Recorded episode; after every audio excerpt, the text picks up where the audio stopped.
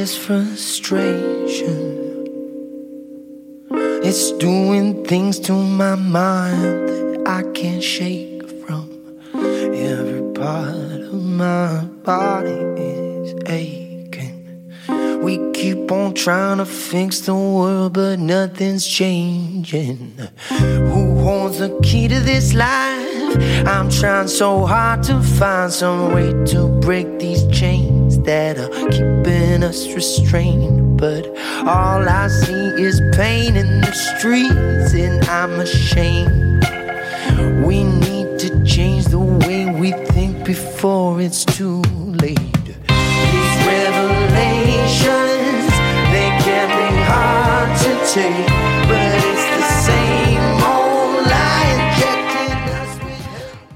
Bega, Bergara, aurkezle, antzezle eta sortzailea. Betidanik izan du musika eta oholtza hurbil. Hamar urterekin, bere lehen musikala egin omen zuen bergaran bertan, eta arrezkero gelditu gabe dabil. Oso gaztetatik ekin zion musika ikasteari, eta prestakuntza akademikoa Bilboko Juan Crisostomo Arriagan burutu zuen, perkusio, piano eta konposizio arloetan. Ondoren, ikusentzunezko komunikazio lizentziatura burutu zuen, publizitate eta harreman publikoetan. Trying to pay my bills on time, but they keep rising. It's a fine line between struggling and dying. Are we just gonna stand by and get stepped on? Askok bere ahotsa entzunda, zuzenean lotzen dugu irratiarekin. Baina hainbat arlo ezberdinetan aritzen da bere egunerokoan. Egutegi eta bizitzak uztartzea lortzen dituenean, hori ezpaita lan makala izango. Euskadi gaztean aspaldi esatari lanetan dabil. Eta aipatu legez, bere ibilbide profesionala oso zabala eta anitza da. Euskal Herriko ia txoko guztietan aritzen da DJ bezala. Kerman mintzalagun bila egitasmoan aritu zen. Telebistan aurkezle izan da arratsaldero, kantuan edo aiama bezalako saioetan.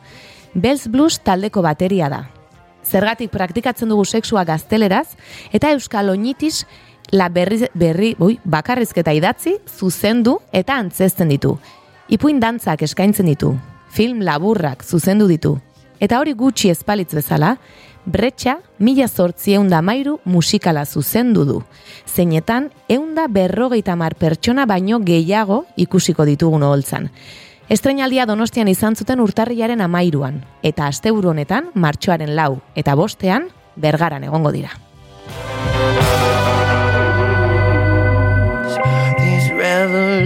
Revelations, they can be hard to take. But if we don't stand up, it's never gonna change. Bere agenda amaigabea izan arren, tartetxo bat ere egin du gurera etortzeko, eta asteburu honetan bergaran eskaintzen duten emanaldiaz sakonago arituko gara berarekin. Ongi etorri bigarren kafeko kafe utxera, oian bega. Arratxaldeon, arratxaldeon. Jan. arratxaldeon julen eta Arratsaldeon. june, ezta? Hoi da. Plazerra hemen egotea. Esan duzu, eh, film laburrak egin ditudala, bueno, hau izan zan pixka bat, hola, esperimento Bueno. bat lagun artean, eta igual entzulek ez dakite, baina Oiana Maritorena izan zen film aretako, eh, Bai. bi Ara. film laburretako eh, protagonista. Bai. Bata argia ikusi zuen, eta izan ere iruneko eh, film laburren lehiaketan ere izendapen bat lortu genuen. Bigarrenak ez zuen ikusi eh, argirik, Ara. baina gainera gauza argi bateatik, ni zuzendaria nintzen eta orduan liatu nintzen beste aktorearekin eta orduan, ya Ya está. está, ya está. Eta ja, Malo. Akabo. Akabo, Akabo. Zuen argia horretik ikusi. Katxiz, eh, Hogei bai. urterekin, hogeita piko Bai, bai, urterekin. ez dakit, ez dakit. Bai, bai, bai. Eta ordutik ez dakit ze demontre baskaltzen duzu, baina igual igual zaude. Bai, oixe! Bai ba, eh, aspaldi ez dugula elkar ikusi hola personan, bai igual telebistatik eta holako gauzak, baina baina personan urteak, eta Bai, igual igual zaude, así que Bueno, etzintu da, ez eskertzen ezagutzen, da. baina plazera hemen eote. Berdin, berdin. bueno, oiana lehenengo galdera egin beharko diogu, Bai, bai, ezta? egiozu, egiozu, lasai, lasai. Kaferik? Eh, goizetan hartzen dut bakarra, eta bi hartuko banitu, eh, ja mundua bukatuko litzateke. Osea, oso tipo nerviosoa naiz berez, beraz, ja goizekoarekin nahikoa egun osorako. Vale, hau badakizun nun sartu behar duzun, horrelako zuen selkafe bat egiten duzu, Eh, ez da? bai, Kafea, bueno, bai, kafea ez, aldera eh, pixka bai, pixka bai, bueno, bueno, baina saioaren izena kafea baldin bada Eta- des- deskafeinatu izan daiteke ere, bai, eh? Neskuik, neskuik bero batekin ere... Konformatzen Bai, bai, ezta? bai, bai. Earki, earki. bueno, gauza ezberdinei buruz aritzeko denbora izango dugu, espero dugu, baina hasteko musika beti izan duzu txikitatik hor zure ondoan, perkusioa, e, pianoa ere, gero musikalak egiten dituzu, ze zertzen zuretzat txikitan musika? Gaur egun jarraitzen duena izaten, bizitzeko e, bide bat, edo bizitza e, sentitzeko bide bat. Bizitza sentitzeko modu asko daude, berak bada oso menditzalea dena esango du mendia dela bere bizitza e, bizitzeko modua, edo oso kirolaria dena, ba, nire kasuan musika da.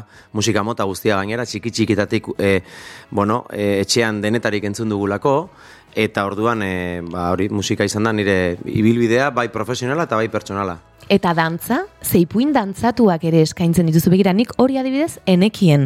Bueno, Biografi- egiari, egiari zor oso dantzari txarra naiz ni.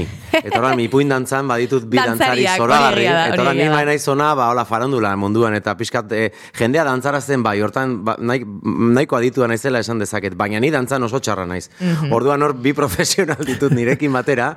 Eta ipuin dantza izan zen pandemia garaian, ezin disko festak egin, bakezue ba, plazetan eta aritzen naizela. Izan ere, hemen tolosan izan naiz duela karnabaletan ere.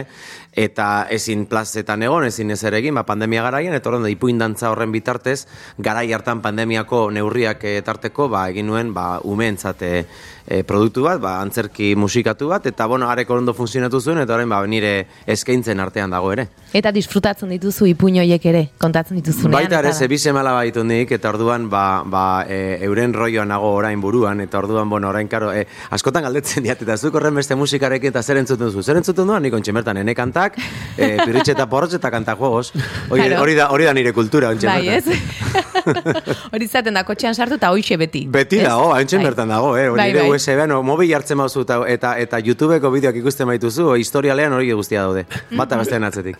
Eta ez dakit kasualidadean kazetaritza ikasi zenuen, bueno, ikusentzunezko, barkatu ikusentzunezko komunikazioa bai, eta irratian aritu zara batez ere. Ze- Agian musika, ahotsak edo horrelako zerbaitengatik argi zenuen irratia edo besterik gabe. Beitu ez, izan zen pixka bat, egiaz, ni ikusentzunezko komunikazioan irugarren mailan ja hasi nintzen bekadu nintzaten Euskal Telebistan eta kiroletan hasi nintzen lanean, e, duela, ba, lauzpabost urte Bai, eman nituen, hoxe. eta gero bakizu nola funtzionatzen duen, ba, bueno, kontratuak bukatzen direla, eta gero lan, be- beste ba, sistema gora eta bera, eta zantzaten, bueno, kiroletan kontratu amaitu da, eta ez dugu orain bertan bakanterik, eta orduan, ba, pena handiz, oso gustora gaude zurekin, baina, badakigu musikaria zarela, ze iruditzen gaztean e, aurkezten baduzu zeure burua. Garai hartan gainera, ni aurkeztu nintzenean, e, emakumezkoen ahots pilo bat zeude, baina gizonezkoa falta ziren antza garai hartan. Aha. E, Joseinaren Bai, garai, bai, Joseinar, gara, bai. itziar alduntzin eta hauedanak. Ilaski zerreno zegoen ere bai, eta antza, ba, Joseina zen bakarrenetakoa Bai. danirekin batera gizonezkoen ahotsa falta omentzen edo. Eta bertara jo nintzen, beste hainbat ginen horre casting batzuk eta froga batzuk pasaginetuenak, Joseina bere izan zen gure e, e, instruktore edo monitore edo ez eta bueno, ba, ba pasan nituen frogak eta gaur arte. Begira, bai, bai, eta oran urteak. lortu dut bi, bi mm, Bai, bideak uztartzea, ez? Niri gustatzen zait espektakuloaren mundu asko, telebistaren mundu asko gustatzen zait, eta irra, eta musikaren mundua ere bai, eta irratiaren bitartez, Mm. ba, biak ahal izan ditut. Egia da, gero, e, irratiari beste kariño bat hartu dio dela horren urte, horren beste urteren ostean, zeruditzen zait dela oso medio intimoa, oso Mm. medio eh, romantikoa, ze behar bada e, telebista edo, bueno, YouTube edo pantalla baten bitartez kolektiboki ere kontsumitu dezakegun zerbait da, bikotorekin, lagunarekin, pixukidearekin, baina irratia normalean bakarri zaude, kaskoa jarrita edo zure, zure kotxean, ez? Aspaldi behar bada gura aiti- aitita eta mamak bai, biltzen ziren bai. e, e, irratiaren inguruan, baina hori aspalditik ez dugu guk egiten. Gaur egun oso kontsumo e, intimoa da, torregetik, bueno, pri, e, romantikoa dela uste dut, ze beti hitz egiten dudanean, orain ere, gonbidatu moduan ator, baina imaginatzen dut pertsona bat dagoela hor, eta ordan hasten naiz nire pelikula egiten, ez? Nun dagoen, e, gimnasioan dago igual norbait, edo ikasten ari da, edo lanetik irten berri, edo ez da ba, edo hasten naiz nire pelikula egiten, eta gaztean lan egiten dudanean ere askotan hori hasten naiz pixkat buruan egiten, Begira. bai, bai, bai. bai, bai. Eta bakarrizketekin ere aritu zara, eta gainera oso oso interesgarriak irutze ezkit. Bat, nola da, zergatik praktika... Zergatik praktikatzen dugu sexua gaztelera zitantzan lehena, eta gero handik tiaka euskainolitiz bigarrena. Pixka bat, bueno, ba, e, izenburuetan antzematen den bezala, Euskaldunok gure hezkuntzarekin daukagun harreman bitxi honen inguruan egiten dut pixka bat hitz egin, egin, eh, oso alderdi sarkastikotik, eh, oza, zero zientifikoa, baina, bueno, dano dakigu, danokaz egiten dugu euskainolitis hori, ez? Mm -hmm. eta euskaldunak izan, edo gure hartan euskaraz aritu, bapatekotasun horretan, e, gaztelerazko hitzak etengabean sartzen ditugu, eta ez dakiz zergatik, oso bizeralak edo instintiboak diren kontutan, sexua esate baterako, edo Bai. aserretzen garenean, Bai. gaztelera jotzen dugu gehienetan edo askotan, ez? Eta horren, bueno, ba, hortik ba, pixkat humorera tiraka, ba, ba pixkat hausnarketa horrekin hasi nintzen, eta, bueno, ba, funtzionatu duen beste historia badan, eh, batez ere negu partean eta egiten dudan, aretotan, gaztetxetan, eta deitzen diaten tokitan. Oiana, Oso, segundutxo bat. Ze, oiane, oianek zuk esan duzu, e, beti daukazula buruan ez, entzule bat badagoela, eta non egongote den, edo Bai. zertan harikote den.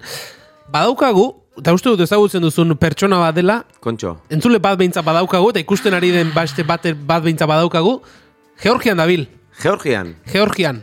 jo, apizta horrekin ez dakit norden, Ea, hautsarekin ezagutzen a duzun. ver, Arratxaldeon. Oian bega, arratsaldeon. a ver, a ver, A ver, a dago? Gaur hemen horrai falta dela uste du. Bueno, a. konta dezaket oian Ah, begataz, ko- ostras, Asensio! Ostras! badakizkidala ima gauza. Asensio, ostras, paldiko, tío, y Georgian zabiltza, bueno, es que tipo toki guztietan dabil.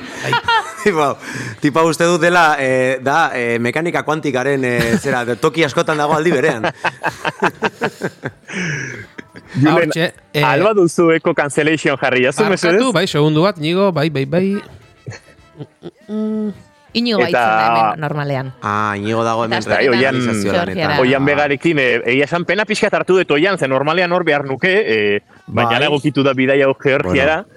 Eta nik egin dut, anekdota bat kontatu, eta gero lehiaketa txiki bat jarriko dizut, Upa. gure frigorifikoko garagardo bat irabaz dezazun.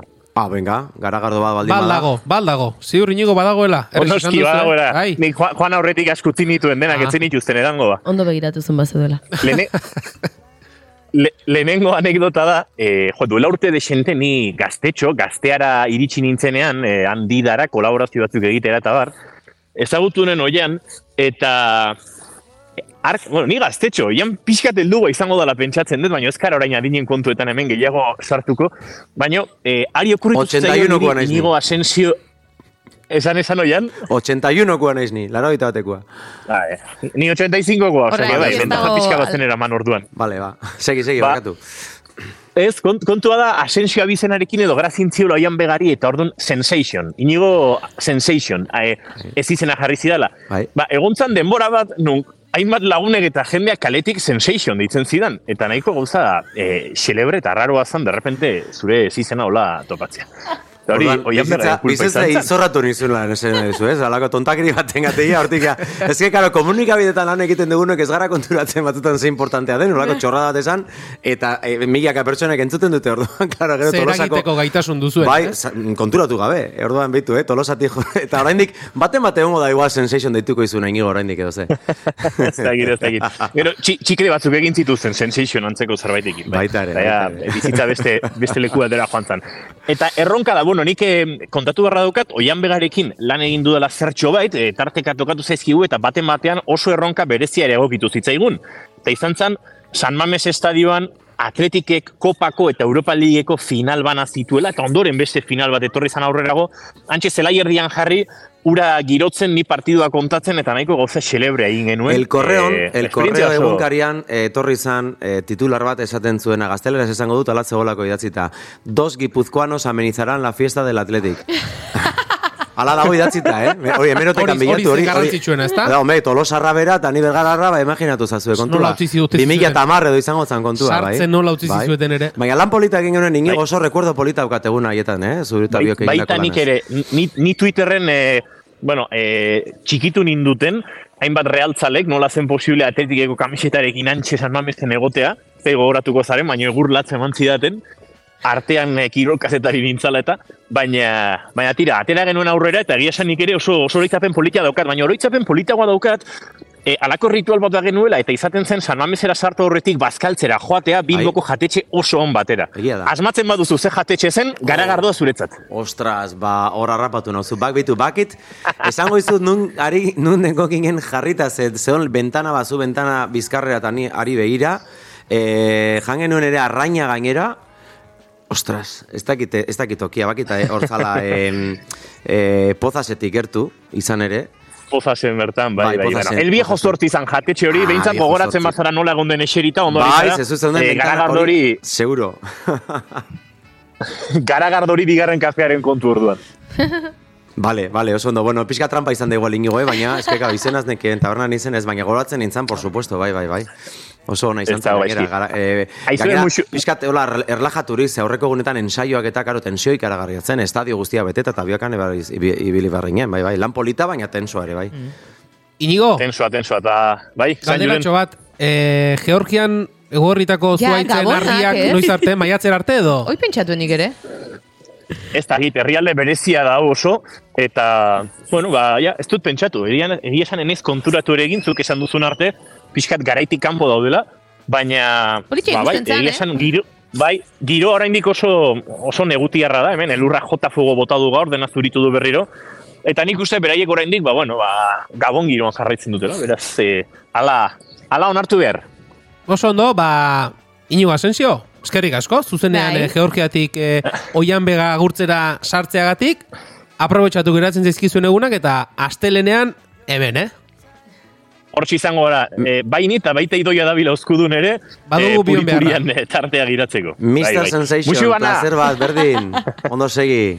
Aio, Aio. Aio.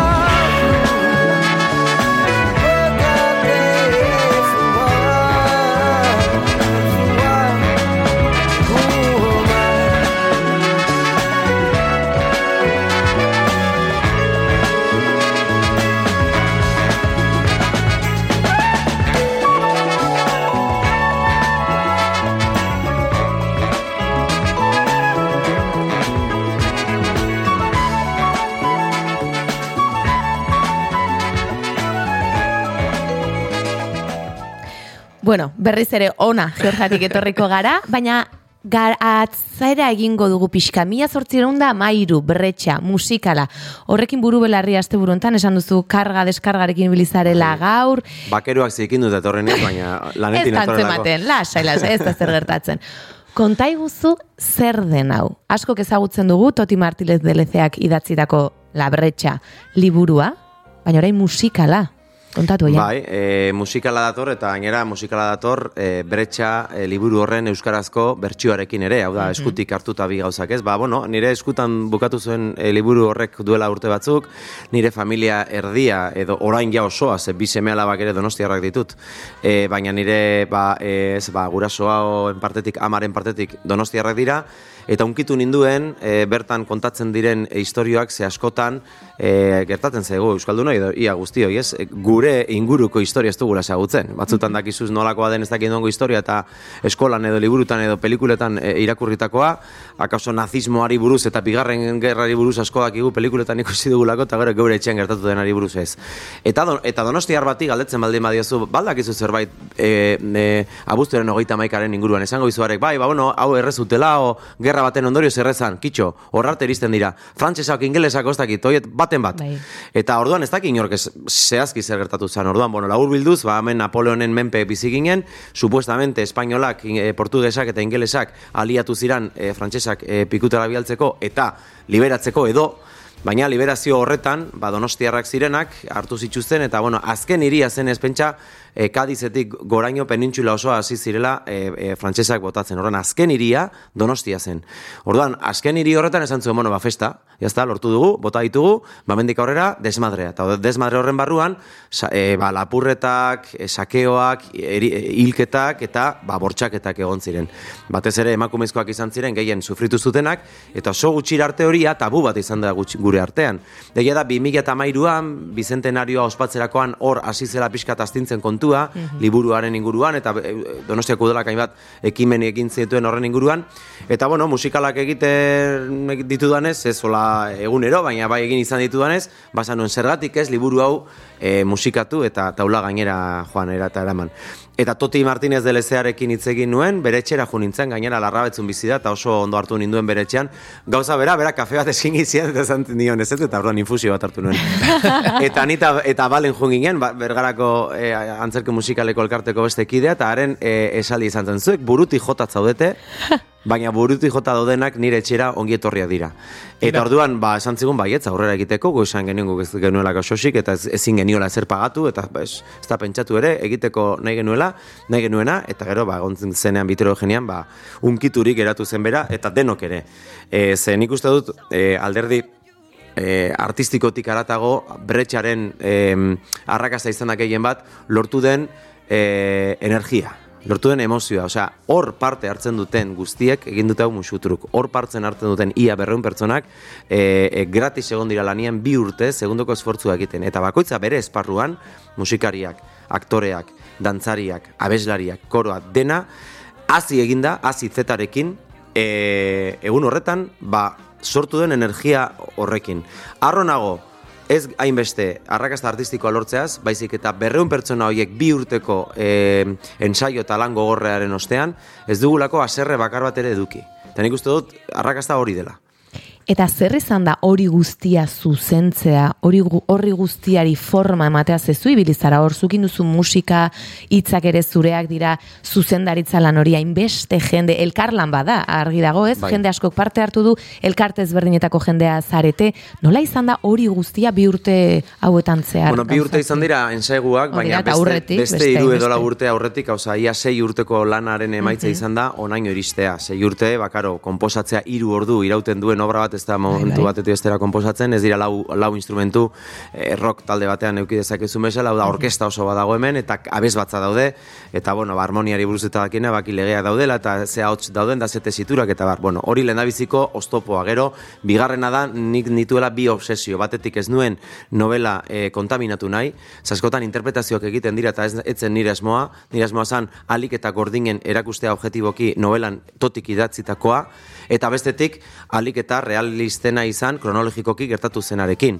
Horretarako ere, goi mailako bi eminentzia izan ditugu, batetik Jose Mari Leclerc, hau da historialariaria, e, arkeologoa da, bestetik e, Jose Javier Pixebrot, honek egin du lan zoragarri bat, Donostia, mila sortziron da mairuan zegoen e, arkitekturarekin, eta bueno, ba, elkarlan horrekin, ba, bueno, bideratzen joan gara poliki-poliki, eta puzlea osatzen, puzle guztia osatzen, ez duzu dena batera egiten, partez partez zoaz, egia da ez dela nire lehen esperientzia, egin nuen airretik pare bat musikal, e, olentzero izan zen egin nuen lehen bizikoa olentzeroan kompani musikala, e, behar bada, ura izan zen, bueno, familiarragoa, infantilagoa, musika poperoagoa, erresagoa, igual ulertzeko, e, Broadway tankerako musikal e, bat, hemen kasu honetan, bueno, ba, pixka bat, antzekotasunen bat jartzearren, ba, Los Miserables antzeko zerbait dramatikoa da. Da, Miserablearen, gainera, Miserables e, obra garai beretsukoa da, Pariseko historia bat kontatzen du, eta esaten duen nik, bueno, zergatik ez geure historia kontatu. Ez dela gainera Donostiako historia bat, Ja. Euskal Herriko historia bat da. Bai, hori, doa. hori beti esaten duzu, ez? Euskal Herritar denok identifika gaitezkela eta aipatzen duzu askotan batzuetan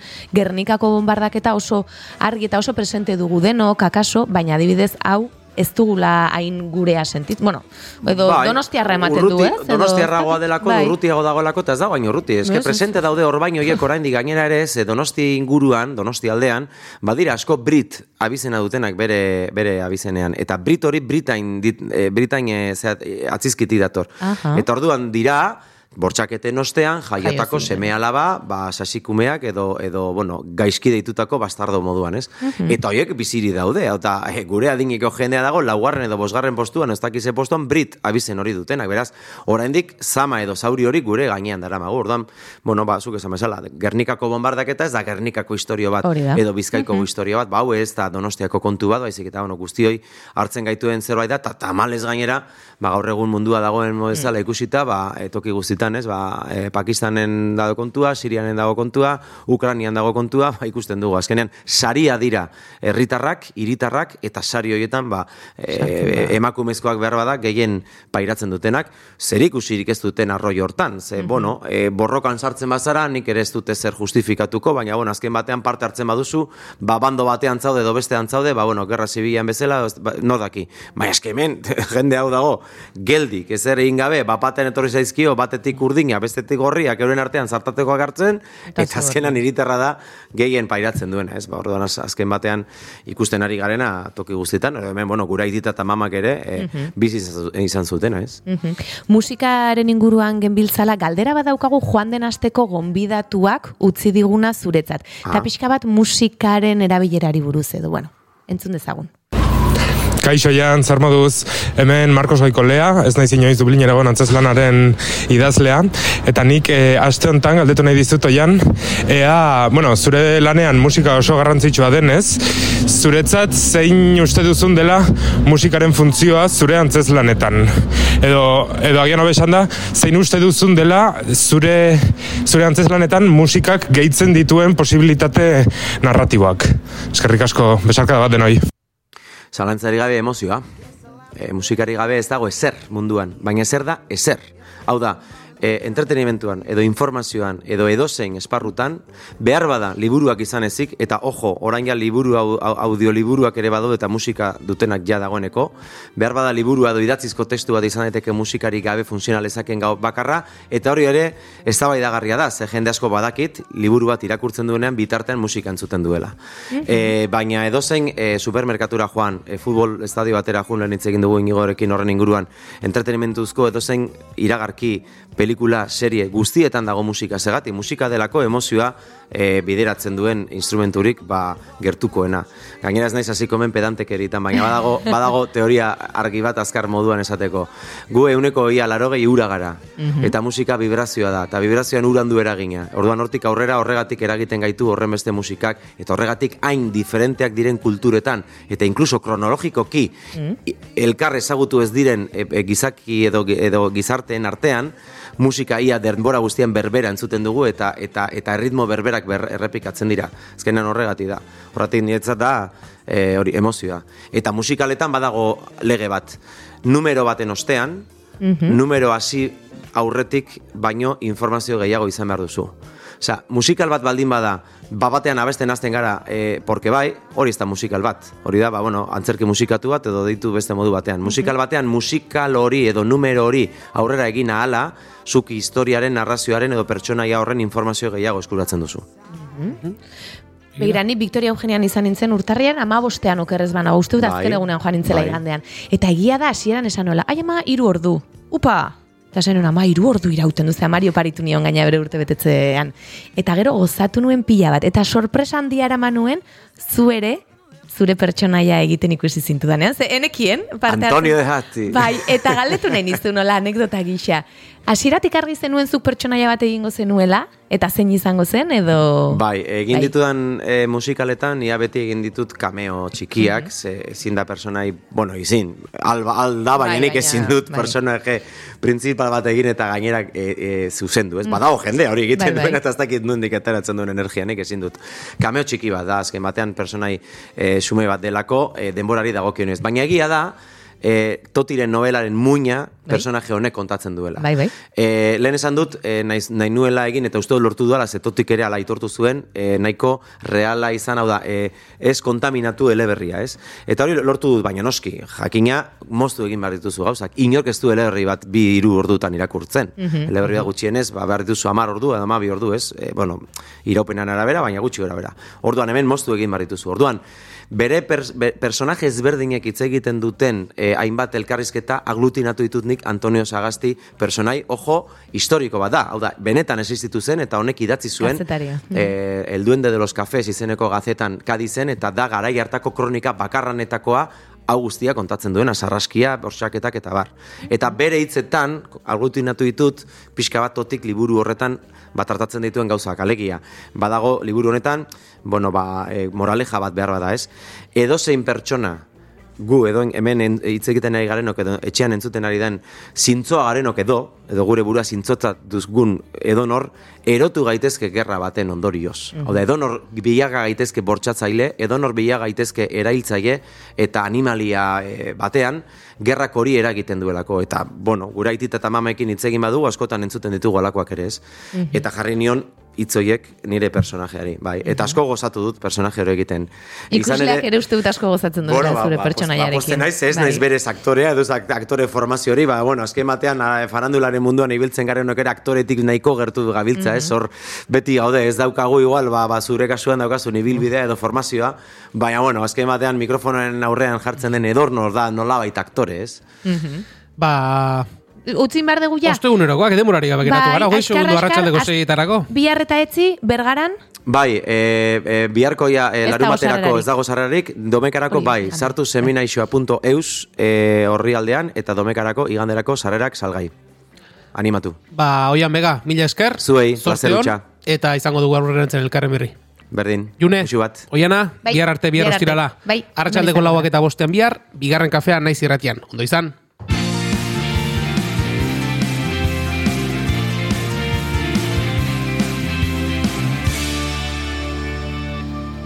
Keep calm and bigarren kafea.